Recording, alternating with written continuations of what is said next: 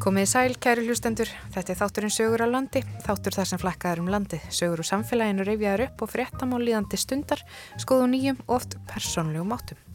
Ég heiti Gíja Holmgistóttir og í þessum þætti eru með mér þær Elsa Maria Guðlöks Drífudóttir, fréttamæður á Vesturlandi og Vestfjörðum og Halla Ólafsdóttir, dagskrákjæðakona á Vestfjörðum. Við reyfjum upp sögu rjómabúana í þessum þætti. Fyrirmyndi var Danmark og uh, í Danmarku voru reygin lítil rjómabú með samvinnusniði og, og svo gekk það svo vel að það voru fleiri stopnuð í kjölfarið. Þau voru í kringum 30 starfandi rjómabúin, flest hér Sunnalands árið 1910. Heyrum líka af afreikum kraftliftingakonu úr Borganesi. Og að mæta á svona mót, sérstaklega stórt alþjóðlegt mót og fá að sína heiminum alla vinnuna sem að maður lagði í þetta ákvæmna sport og þessa ástriði og fá að uppskera fyrir framann svona mikið af fólki, það er bara ólýsanlegt. Og heimsækjum samfélagsmiðstöðuna Muggstofu á Bíldudal. Áður en við fórum í að innrétta þetta þá uh, held ég bara fund með íbúum og var að spyrja svona hvað þau myndi vilja og hvernig þau myndi helst sjá fyrir sér að nýta plásið og svo unnum við hugmyndirnar út frá því. En við byrjum á Suðurlandinu, skamt frá Stokkseri, þar sem er að finna rjómabúið á byggstöðum, sem er eina rjómabúið á landinu sem stendur eftir með öllum búnaði. Og þetta rjómabú þjónar sem minnisverði um þetta merkilega tímabill í sögu mjölkurframlegslu hér á landi. Og það er svo sannarlega tegnarlegt um að litast þarna neyðri við sjóin. Hvað heiti vitin sem er hérna beinta á bakvið okkur? Það heitir Knarrarósveiti. Hann er frá 1939 og er stort og mikið kennileiti, sennilega hestabyggingin á Suðurlandi. Ég heiti Líður Pálsson og ég er sagfræðingur á ment. Ég hef starfað við byggðarsafn Nánusinga frá 1992 og er þar sapstjóri. Segðu mér aðeins frá byggðarsafni Árnesinga út af því að það tegir sér nú yfir svolítið viðfengt svæði.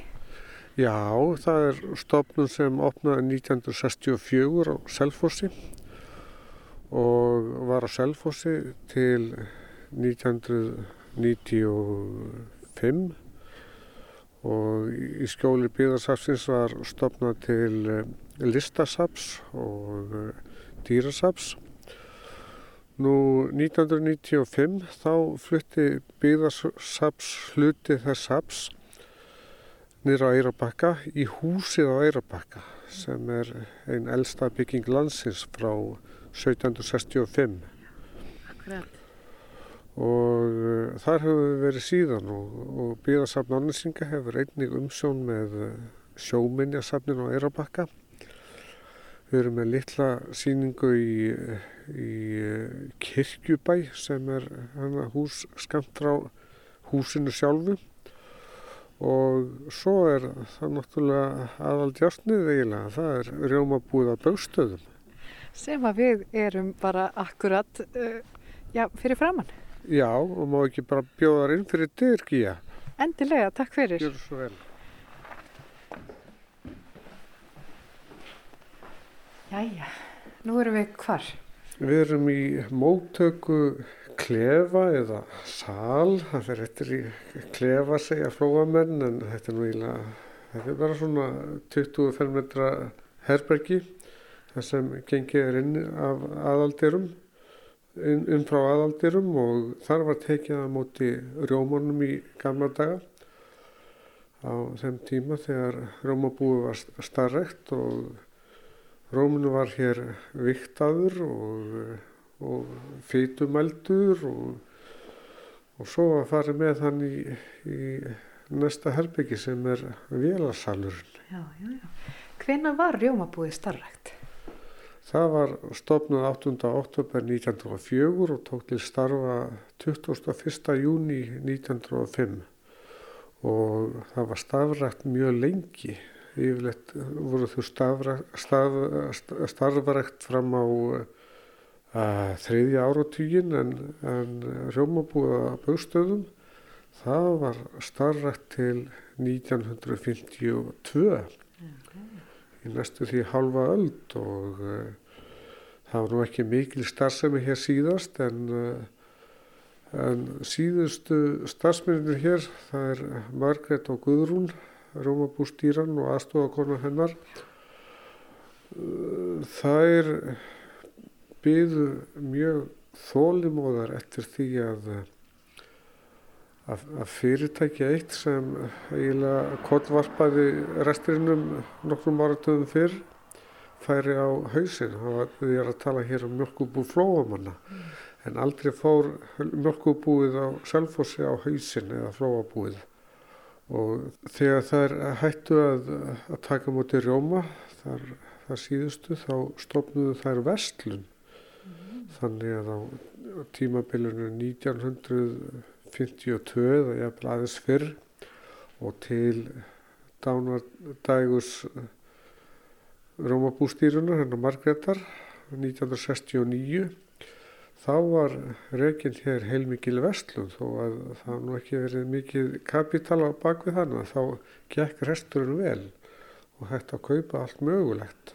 Það vildi bara svo heppilega til að, að Guðrún og Margret þær hendu engum tækjum eftir að smjörfræðinslunum var hægt og þær sem sagt heldu því til haga, ég held ég að vel að bóndin á bauðstöðum hafi skotið skjólshúsi yfir tækin hérna svo hættir það að reyka hér alvöru vestlun En uh, svo gerist það árið 1971 að uh, það er stofnað félag. Mm. með mjög merku nafni, Varveslu félag Baustaðarumabús og að því félagi stóðu þrjú búnaðafélag hér í flóanum, búnaðarsamband Suðurlands og byggðarsafn Ánesinga og markmið þessa félags var mjög einfalt. Það var að gera rjómabúið að baustöðum að safni og sína það í uppröðlegu standi með tækjum og tólum og, og það er verkefnið í dag. Mm -hmm. En þann dag í dag að, að taka mútið gestum og, og halda húsinu við og, og það er svona bara skemmtilegt verkefni. En hvað hérna þetta rjómabú, um, af hverju var það, uh, var þið komið á hér? Já, þá ætlum ég aðeins að byrja því að tala um, um rjómabúa menninguna hér. Sko, Já. þetta var þannig að það, fyrsta rjómabúið var stopnuð upp í Hraunamannarreppin árið 1900 og fyrirmyndin var Danmark margt gott kom frá Danmörku og uh, í Danmörku voru reygin lítil rjómabú með samvinnusniði og, og þetta ætluðu hrunamenn að prófa og það gerðu þeir og, uh, og svo gekk það svo vel að það voru fleiri stopnuð í kjölfarið. Þau voru í kringum 30 starfandi rjómabúin flest hér Sunnalands árið 1910 og, eh, og þetta voru að jafnaði saminumfélag sem sagt þannig að þeir sem lögðu inn voru eigandur og hér við Rjómabúa Bauðstöðum þá voru stofnendur 48 talsins. Flestur úr Stóksverðarreppi og einnig mjög margir úr Göluröfæðarreppir og sömulegðis eh, nokkri bændur úr Villingahálsreppi og Hér var blóma skeiðið á tímabilinu 1906 til 1914 og þegar mest var þá voru 25 tonn af smjöri framleitt hér eitt sumarið. Það var 1912 og að sjálfsögðu var þetta mikil búbót eða fjárharsleg búbót fyrir innleggindur þannig að fengu þeir eh, beinharða peninga í sína mm. hendur Já. nú þetta stöðlaði alls konar eh, breytingum það voru læðir vegir hér að og eh, eða kerruvegir sem síðar eruðu að alvöru bílvegum og og, og sem sagt eiginlega mjög merkur þáttur í, í svona tæknibildingu þeirri sem átti sér stað í uppafi 20. aldar Já. og, og aðtugum ekki að sem er mjög merkilegt það er það að, að við rjómabúin störfuðu bara konur mm. Og, og framkvæmda stjórar þessara rjómabúa voru, voru kallað rjómabústýrur og það voru bara konur og þetta var eiginlega eina tilfelli af þessum tíma sem sem konur voru eh, mentaðar til þess að vera framkvæmdastjórar yfir fyrirtækjum og það var nefnilega starfrættur í borgar fyrir mjölkurskólinn við Kvítorbakka og danskur mjölkurfræðingur stýrði því með, með skörumskap hans grönnfelt að nafni og þangað fóru allar ungar stúlkur hana í upphafi 20. aldar til að sækja sér mentun til þess að vera framkvæmda stjóri. Einstakt, eiginlega. Þetta er einstakt, Já. en það er mikil svona dön, dönsk tenging uh, við þessa þennan yðnað og, og var ekki smjörið sem var framlegt hérna selt sem eitt danst smjör?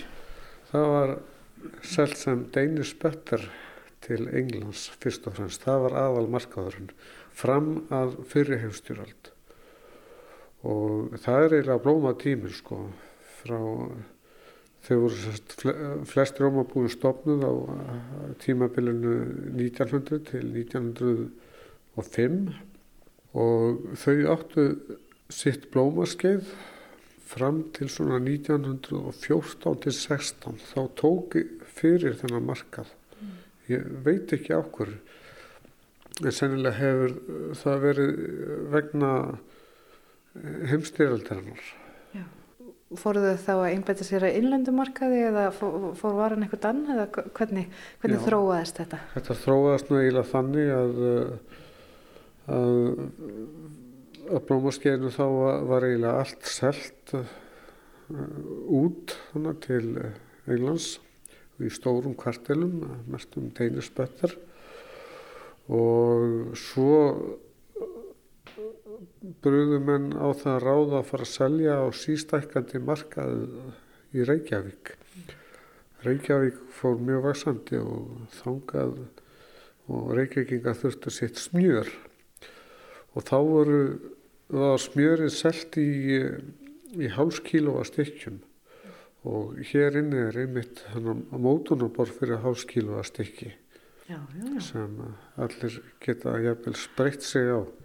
Mm -hmm. og svo eru mörg önnur tæki hérna hér voru líka frammeittir ostar og hér eru ostapressuður og, og, og smjöri var hreinsað í þessu stóra vaskari steinkari sem er hérna í horninu svo höfum við þetta mótunaborð við erum eiginlega að fara á auðu og rauð hérna með þetta smjöri kemur úr stróknum og er sett á, á mótunaborðu og það var smjöri saltað og hreinsað og og ávir runnu af smjörinu sem fóru hér í rennu og voru notaður í ostagerðina.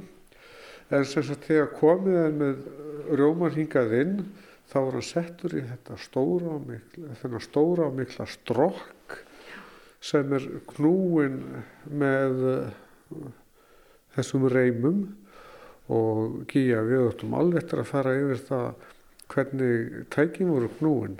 Já. Það var vassablið.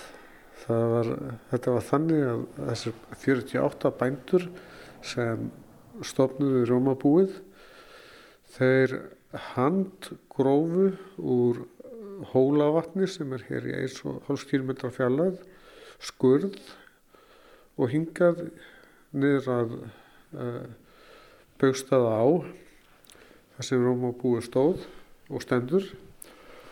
Og uh, svo var vatn leitt úr vatninu hingað og það rennur hér í gegnum svona stokk á, á vassjól. sem sagt, tækin eru grúin vassafli, þetta var mjög umhverfisvænt og þurfti mikla hugkvæmni til að hana, úthugsa þetta. Nú, svo var hægt að nýta vassaflið á annan hátt, það var settur upp rafall her, hérna í Herbyggi við hliðin á, á Vélarsalunum og Þá var hægt að lýsa upp Rómabúið, það Já. kemur reynda svolítið ekkert mjög snemma, svona 1934 eða eitthvað svo leiðis og, og, og eftir 1930 þá kom útvarpið á mörg heimili hér í nákvæmunu. Það voru raflöður og raflöðurna þurftu að hlaða og þá tók Rómabúið það að sér að hlaða raflöður útvarp, útvarpana fyrir hérna lítið fjö eða lítið pening svona smá tekjulind nú en það kom líka fyrir yfir háviturinn að, að það var ekki hægt að að, að nýta vassaflið þá tókum við upp á því góða ráði að kaupa bensímótor sem var þarna inni líka. Og allt hengist þetta þessu kerfi. Það eru hérna þessi tvö hjól hérna náttúrulega okkur rétt nálat okkur. Og annað þeirra fyrir rafalinn og hitt fyrir bensífílina.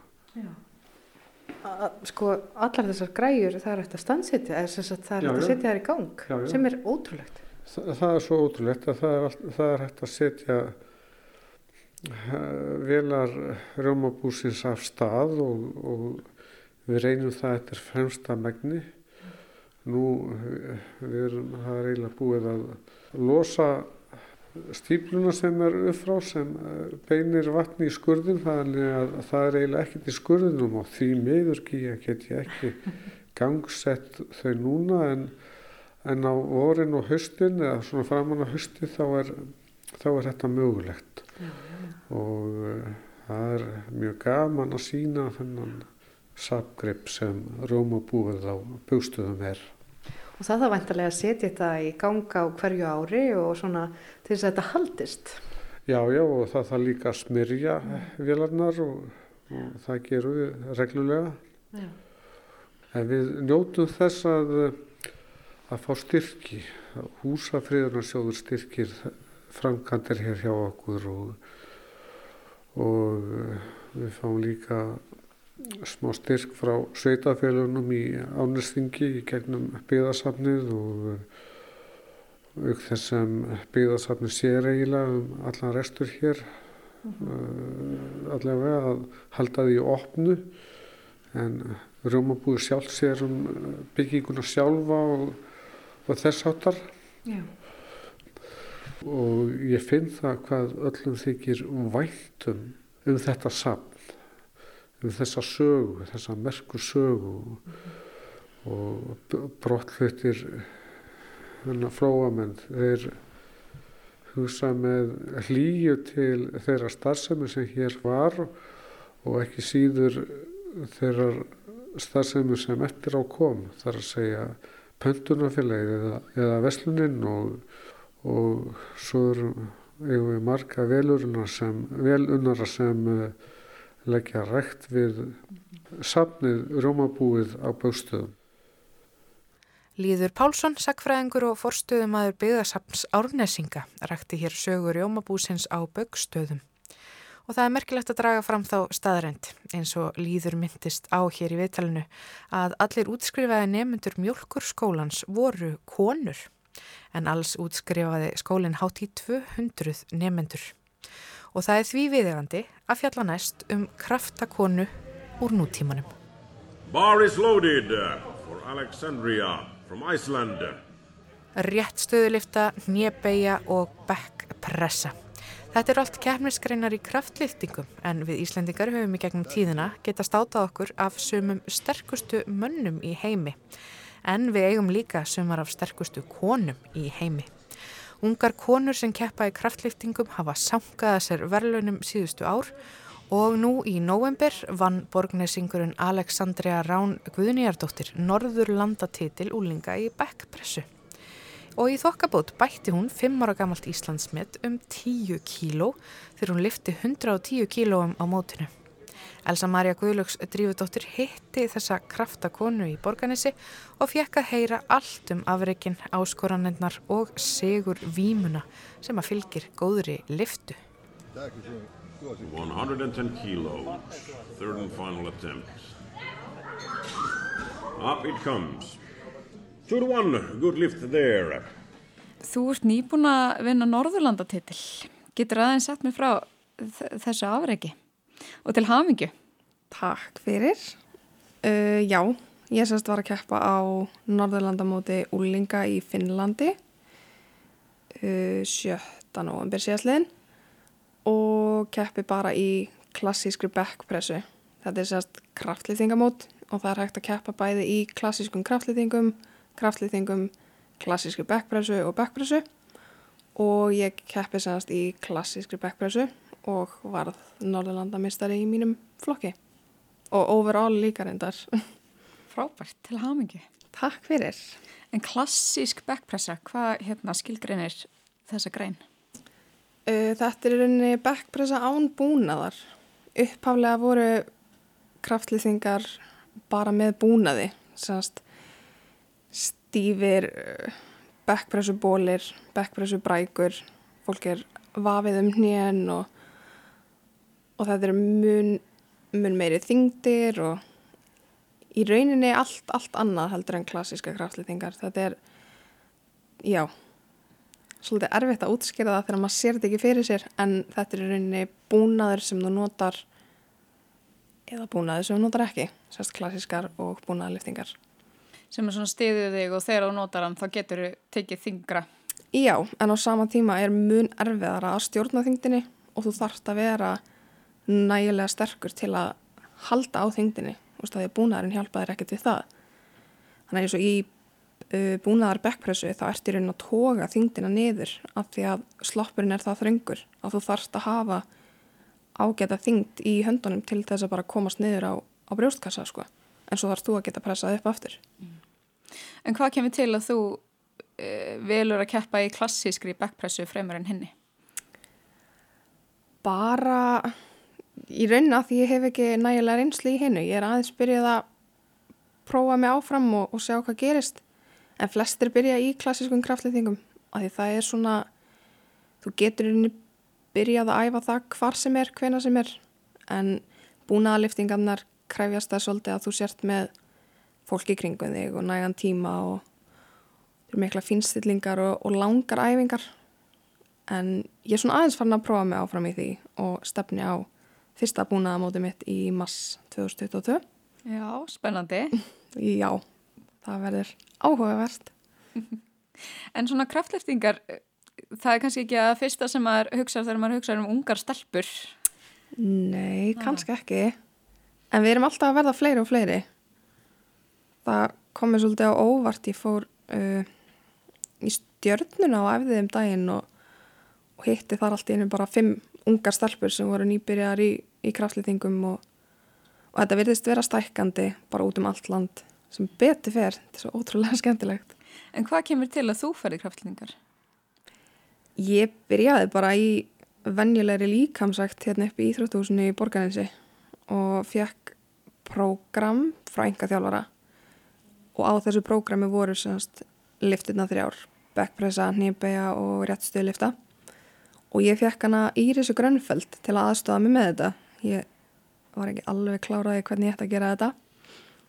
Og einhvern veginn atvikast á þannig að ég fæ svo bara byrjandaprogram hjá henni í kraftlýtingum og fannst þetta bara alveg ógæðislega skemmtilegt og ákveð að skrá mig í félagið upp á Akranesi, kraftlýtingafélag Akranes. Og enda svo að ég að keppa bara á byrjandamóti í mass 2018 og það var bara ekki eftir snúið. Að það gerðist nokkur hratt hér? Mjög hratt. Því að í oktober sama ár þá sitt ég fyrsta Íslandsmyndi mitt og náði lámörkum inn á Evrópumeistramót. Vá, þannig að þú fóst bara strax í þungaviktina? Já, eiginlega. Það er smá styrla hvað það gerist allt rætt. Mm -hmm. í rauninni ári eftir að ég keppi á þessu byrjandamóti þá var ég farin til Tókjó á HM. Hva, hvað ertu búin að taka þátt í mörgum svona stórum alþjóðlegu mótum? Hefur þú tölu á því? Fimm. Þau eru fimm. Start. Press. Og núna síðast á þessu Norðurlandamóti og þú slóst líka fimm ára gamalt met Já, heldur betur. og liftir þarna 110 kílóum og bættir um 10 kíló. Hvernig tilfinning er það? Varstu vissuru fyrirfram á að ætlaði að fara að sláta met? Ég hafði reynd við þetta með þrísvarsinnum. Ég kefti á uh, heimsmyndstaramótinu viku áður og gekk vægast sagt bröðsulega. Ég bara átti erfileikum með, með bara aðstæðunar og endaði einhvern veginn í öðru sæti. Ok, en já og nei. Þetta voru tölur sem ég hafði tekið áður á æfingu og eftir að hafa í rauninni missefnast þarna á HM, það var að það kom aldrei neitt annað til greina en að taka þetta með. Ég hef búin að reyna of oft við það til að, til að fara að klúðra því aftur. En getur þú líst tilfinningunni þegar þú náður því? ég fór bara að hágráta. Já, það. já, bara um leið og ég var búin að skila stönginni þá fór ég bara að gráta. En hvernig er það, hvernig er tilfinningin að ná einmitt þessu svona að slá nýtt með, setja nýtt persónulegt með og ná alltaf þingra og þingra? hún er frábær. Þetta er bara það skemmtilegasta sem ég geri. Bara eiginlega ólýsanlegt að því að liftingarnar eru eitthvað neginn þess eðlis að sama hvað gengur á í persónulega lífinu eða vinnu eða skóla þá getur maður alltaf mætt á æfingu og sínt sjálfum sér að maður er mikið sterkar en maður heldur. Og að mæta á svona mót, sérstaklega stórt alþjóðlegt mót og fá að sína heiminum alla vinnuna sem að maður lagði í þetta ákvæmna sport og þessa ástriði og fá að uppskera fyrir framann svona mikið af fólki það er bara ólýsanlegt En það er einmitt þetta, þetta er tölvert mikil vinna að sinna þessu og ná árangri. Hvernig, hvernig er svona lífið dagstaglega hjá þér? Ég er búin að vera í 70-60% vinnu núna síðan ég byrjaði að, að keppa og yfirleitt verið í smá skóla með en já, hvað setja það á pásu núna? Um, já, það hendar mér best að vera í vaktavinnu af því að þá er svolítið sveigjanlegur tími fyrir æfingar að það er alveg að taka upp í þrjá tíma. En já, hvað að setja skólan á pásu? Ég var hársprit frá því að verða heimsmystari og ég er ætla ekki að láta það gerast aftur þannig að, þannig að ég ákvað að setja svona aðra hluti á pásu á meðan ég er að vinna í þessu allavega eins og er. Og hvaða æfur oft? Það er rosalega mismunandi. Núna er svolítið langt í næsta mót þannig að núna er ég að æfa fimm sinnum í viku. En eftir því sem að ég færist nær þá fækka æfingadögunum en þeir verða líka erfiðari og öðruvísi. Þannig að þetta er, já, frá fjórusunum til sexinum í viku. Það fyrir svolítið eftir hver ég er stött í bara á árinu, bara á keppnisárinu. Og þetta eru náttúrulega nokkrar greinar en eins og til dæmis backpressan er það þitt upp á hald eða? Það er bara mín keppnisgrein. Já. Ég keppi eiginlega ekki í þrýliftu, allavega ekki af alvöru. Ég á það til að taka þrýliftu mót til að fá uh, eða sérst bara til að ná Íslandsmiðum í backpressu en þá er ég kannski að taka 40 kilo á hnipei og 100 kilo á backpressu þannig að en ég, já, ég keppi ekki í hinnum greinum ég æfi þar með bara upp á styrtaþjálfun og, og svo leiðis en ég keppi ekki í því En er það algengast að hérna kraftliftinga fólk sé með svona sína eigin að það sé svona ti- tiltekin grein? Nei, nei, nei, nei, alls, alls ekki. Þetta er mjög sérstakt. uh, fólk almennt keppir í öllum greinunum og það að eiga 110 kíló í backpressu og 105 kíló í réttstöðlift, þetta er mjög óvenjulegt. Og flestir, uh, flestir er að taka tölverð þingra í, í þessum hinum æfingum. En uh, ég bara, já, hef einhvern veginn ekki alltaf haft úthald í að keppa á þrýliftumótum uh, verandi með vefjagikt og bara búin að vera í vinnu og, og skóla og svona þá hérna hef ég bara látið backpersonu duga og hún gerir það svo sannarlega mér finnst hún líka langt skemmtilegust Já, það er náttúrulega ekki hægt að segja annað en að hún dýir og rúmlega Já, það. einmitt, einmitt. En það er þetta, þetta er öruglega svolítið, svolítið djögl að vera í vinnu og reyna að sinna íþróttinni og ef þú ert að glíma við veikindi líka. Hvernig finnst þetta ganga? Ég er náttúrulega með frábæran þjálfara sem að ég er búin að vera að vinna með í þrjú ár og við höfum bara látið þetta ganga. Uh, ég bara hagraði æfingunum eftir vinnu og öfugt og einhvern veginn, einhvern veginn bara virkar þetta. Man þarf bara svolítið að forgangsraða og skipilegja daginn sinn rétt. Þú veist, ég reyni að uh, setja æfingarnar í forgang þannig að ég skipileg daginn minn út frá hvenar ég ætla að æfa og hvernig ég ætla að æfa og eins með bara mataræði og kvíld og svona þetta þarf alltaf að passa inn í inn í heildamindina. En þú ert, þú sem sagt, ert að æfa hjá breyðablík, mm -hmm. núna mætur að æfingar þar. Mm -hmm. Hvernig, þegar þú mætur að æfingu, hvernig svona er hefðbundin liftingaæfing hjá þér? Mm, ég byrja yfirleitt bara á því að hýta svolítið vel upp, bara tegja æfingar og svona léttar uh, bodyweight æfingar og ég fer yfirleitt strax í backpressuna. Flestir byrja á að taka nýpu, svo backpressu, svo réttstöðliftu en ég fer bara strax í backin tek mín vinnusett þar og svo er það mismunandi eftir hvar ég er stött á, á árinu, sérst hvort það séu nýpur eða réttstöðlifta inn í prógraminu.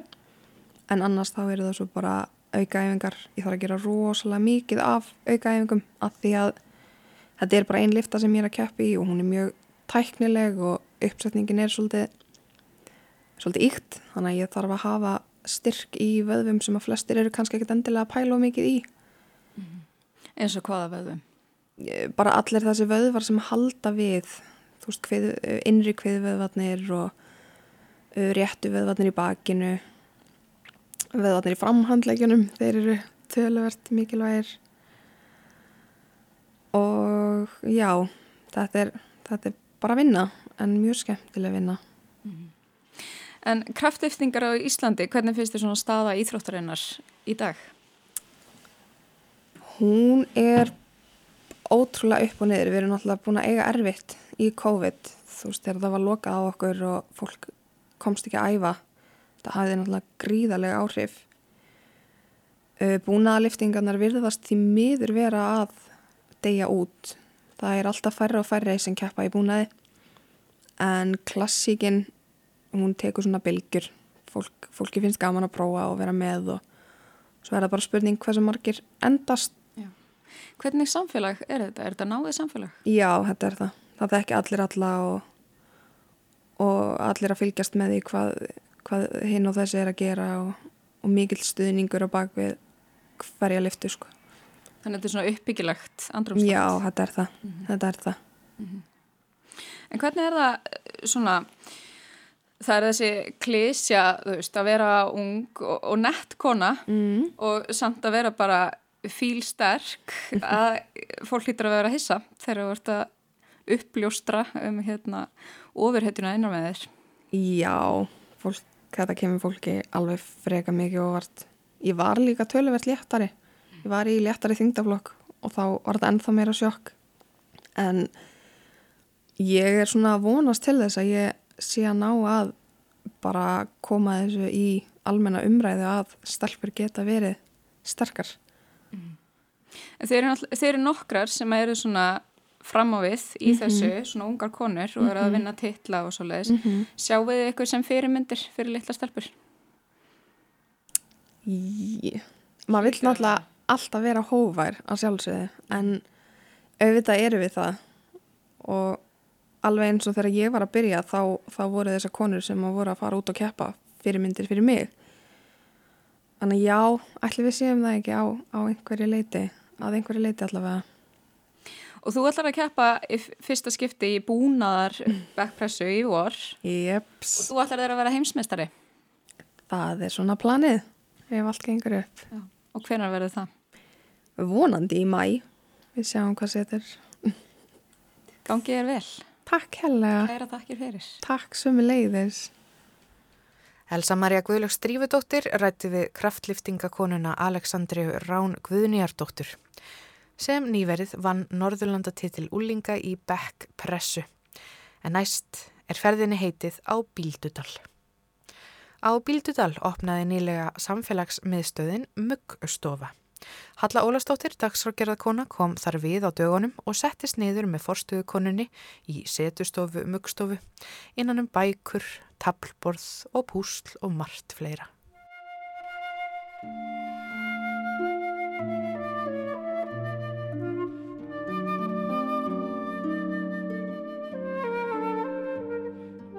Ég heiti Guðrið Hlín Helgudóttir, uh, betur þekkt sem Gauja, ég held að það þekki mig búið að fáur undir nafnunum mínu.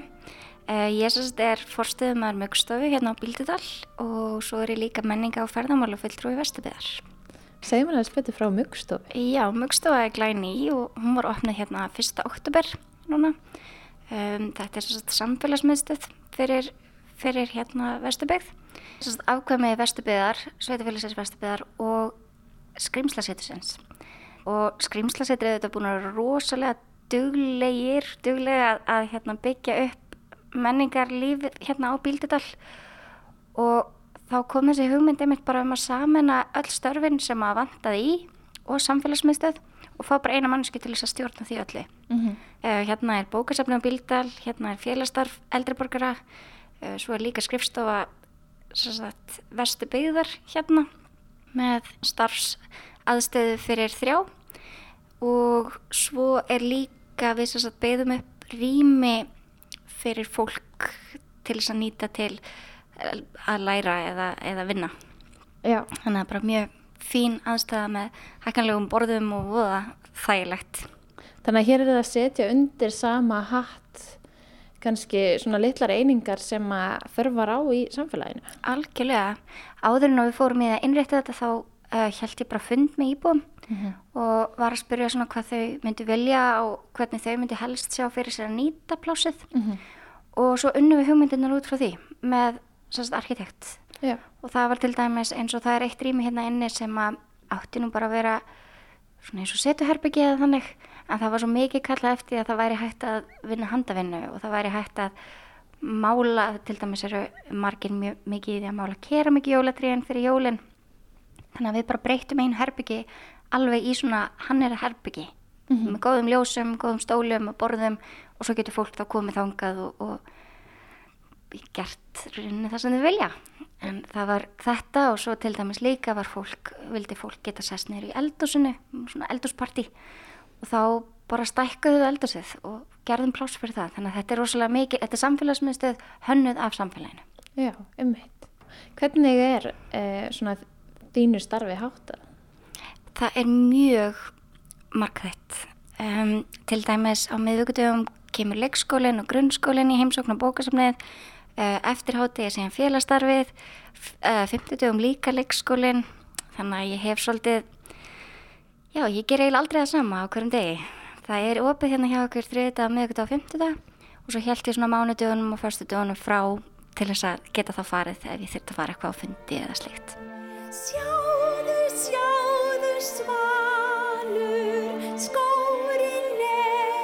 Er að skemta sér, skórin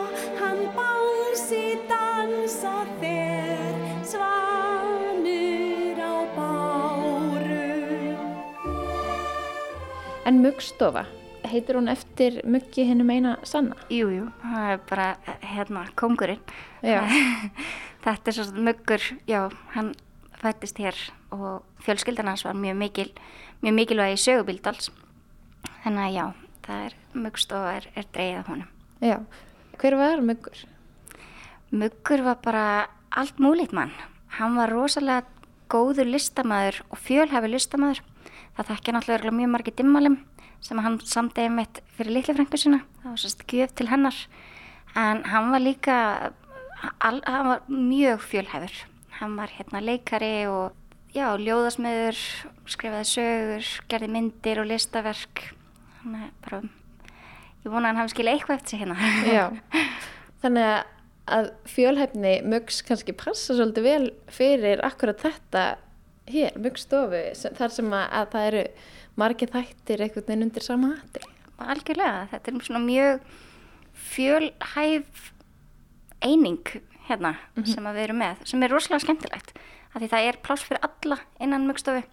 Þetta er, við erum einmitt, eins og ég segi, við erum með leikskólan, grunnskólan, félastarfið, ég er mjög mikið að vinna með fjölmenningu hérna, við erum með sérst bækur núna bæðið fyrir börn og fullorna á pólsku og erum að vinna í því að fá fleiri tungumál.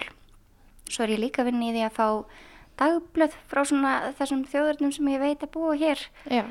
og já, mér fannst myndi alveg dásanlegt að en daginn var kalkið með grillvæslu hérna, hinnum einn á skrimslasetrinni, það er mjög oft nýtt fyrir svo les og þá er mitt lappaði einn hérna í gegn og sagði, vá, býtum á maður það bara alveg koma og spila tabl ef maður vill mm -hmm. það er bara alveg akkurat það sem ég vil ég vil að sem flestir nýti þetta og þó það væri ekki annað heldur en bara að koma inn, setjast niður og fara í sneiki símanum sko. mm -hmm. það er bara, bara frábært að fá sem flesta Einmitt.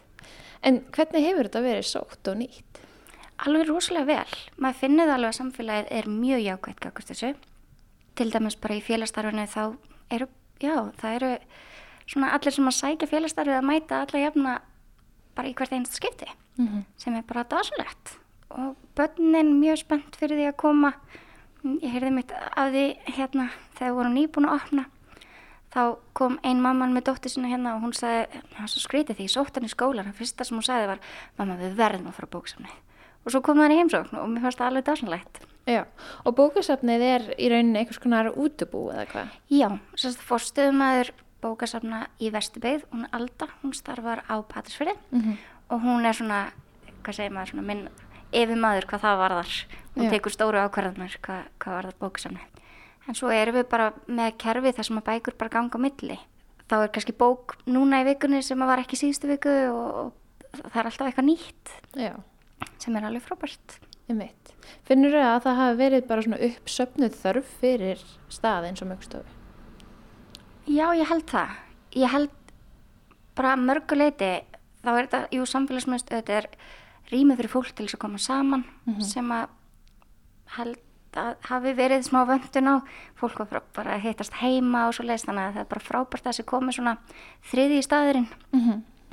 Um, og líka fínt, ég hef líka einmitt heyrt af því að fólki kannski þykir þægilegt að það er komin bæjar skrifstofa hingað sérst, hérna þó það get ekki kannski komið til mín og, og rætt um umhverfismáli eða annars líkt og þá allavega er komin einhver manneska til að tala við Einmitt. frá sveitafélaginu.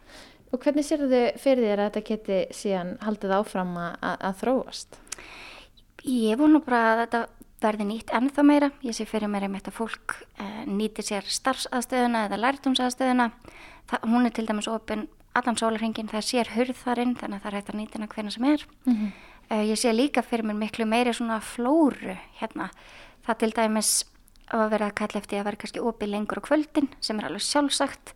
Ég bara fagna því þegar fólk kemur til mín og bendir mér á hluti að því ég get ekki breytt þeim nema mér sé bent á það.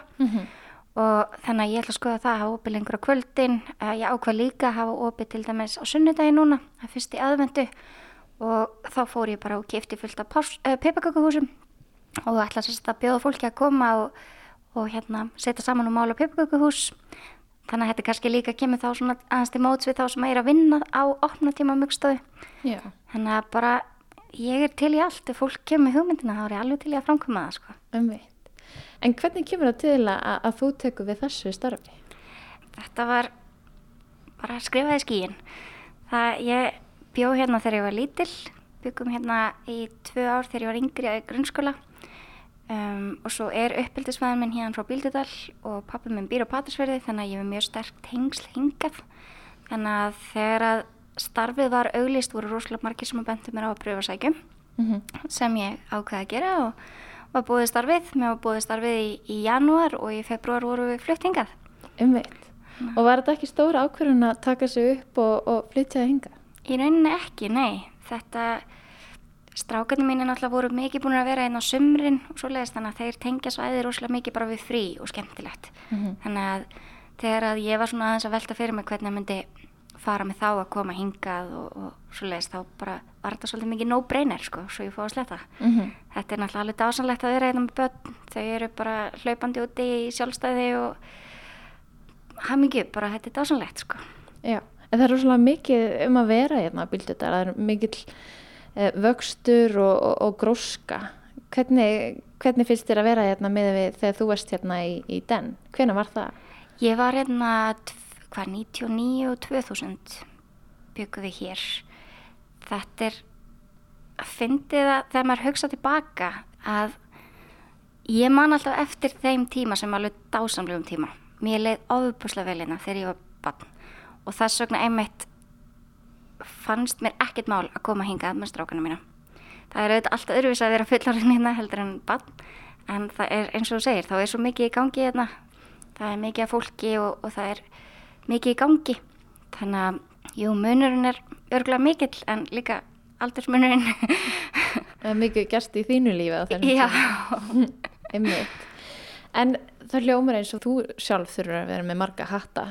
Hvað varstu, hvernig, hvað varstu að gera áður þú komst hingað og nýtist það þér í, í, þessa fjölbreyttu starfsemi? já, góð spurning sko. Ég hérna átti svolítið erfitt með að finna mig í hvaða grein ég vildi starfa. Uh, ég, já, ég tók sérst hótelstjórnun á Spáni, svo fór ég í lögfræði og svo endaði ég í ferðamálafræði og þar fann ég mig svolítið. Uh, en hvað starfið var það, þá var ég sérst að stjórna ferðarskjöstofu mjög lengi fyrir norðan og fór svo rak hótel í Reykjavík. En svona já, að vinna með fólki hefur alltaf heitla mig mjög mikið. Þannig að einmitt allir þessir hattar sem ég hef hér, þeir passa allir rosalega vel á höfuðið á mér.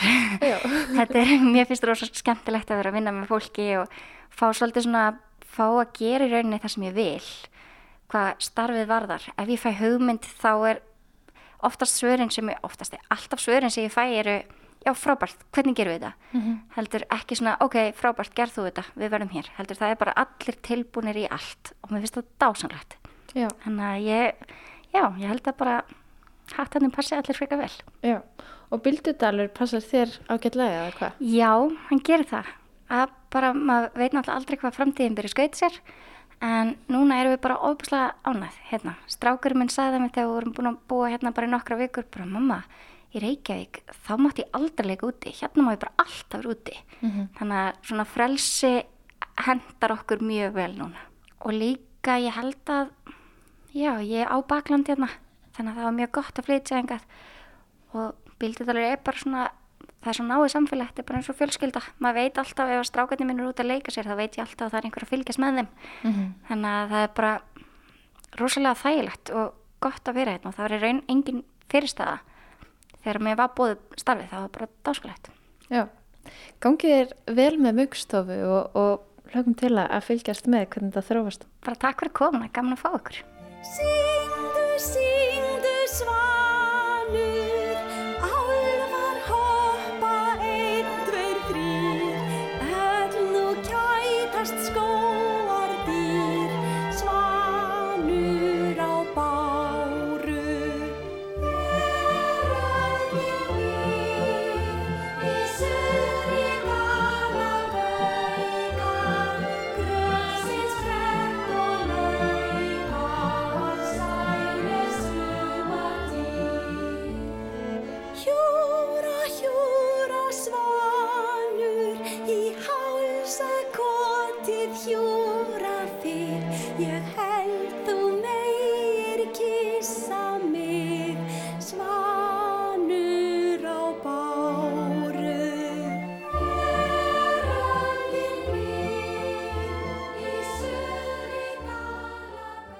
Þetta var söngur Dimmalimar eftir Allaheimi Sveinsson úr leikritinu um Dimmalim en ævintýrið um Dimmalim er einmitt eftir Mugg. Það er hún Edda Heiðrún Backmann sem söng þarna einsöng með Sinfonlegu hljómsveit Íslands og Kór Kársnesskóla undir stjórn Þórunar Björnsdóttur. En þá er komið að lokum í sögumalandi í dag. Viðmælendur í þessum þætti voru þau Líður Pálsson, Alexandria Rán Guðnýjadóttir og nú síðast heyrðum við í Guðuríði Hlín Helgudóttur. Og við minnum á að þessi þáttur sem og eldri þættir af sögumalandi eru aðgengilegir í spilararúf og öllum helstu hlaðvarpsveitum. Við þökkum þeir sem hlýtu, lifið heil.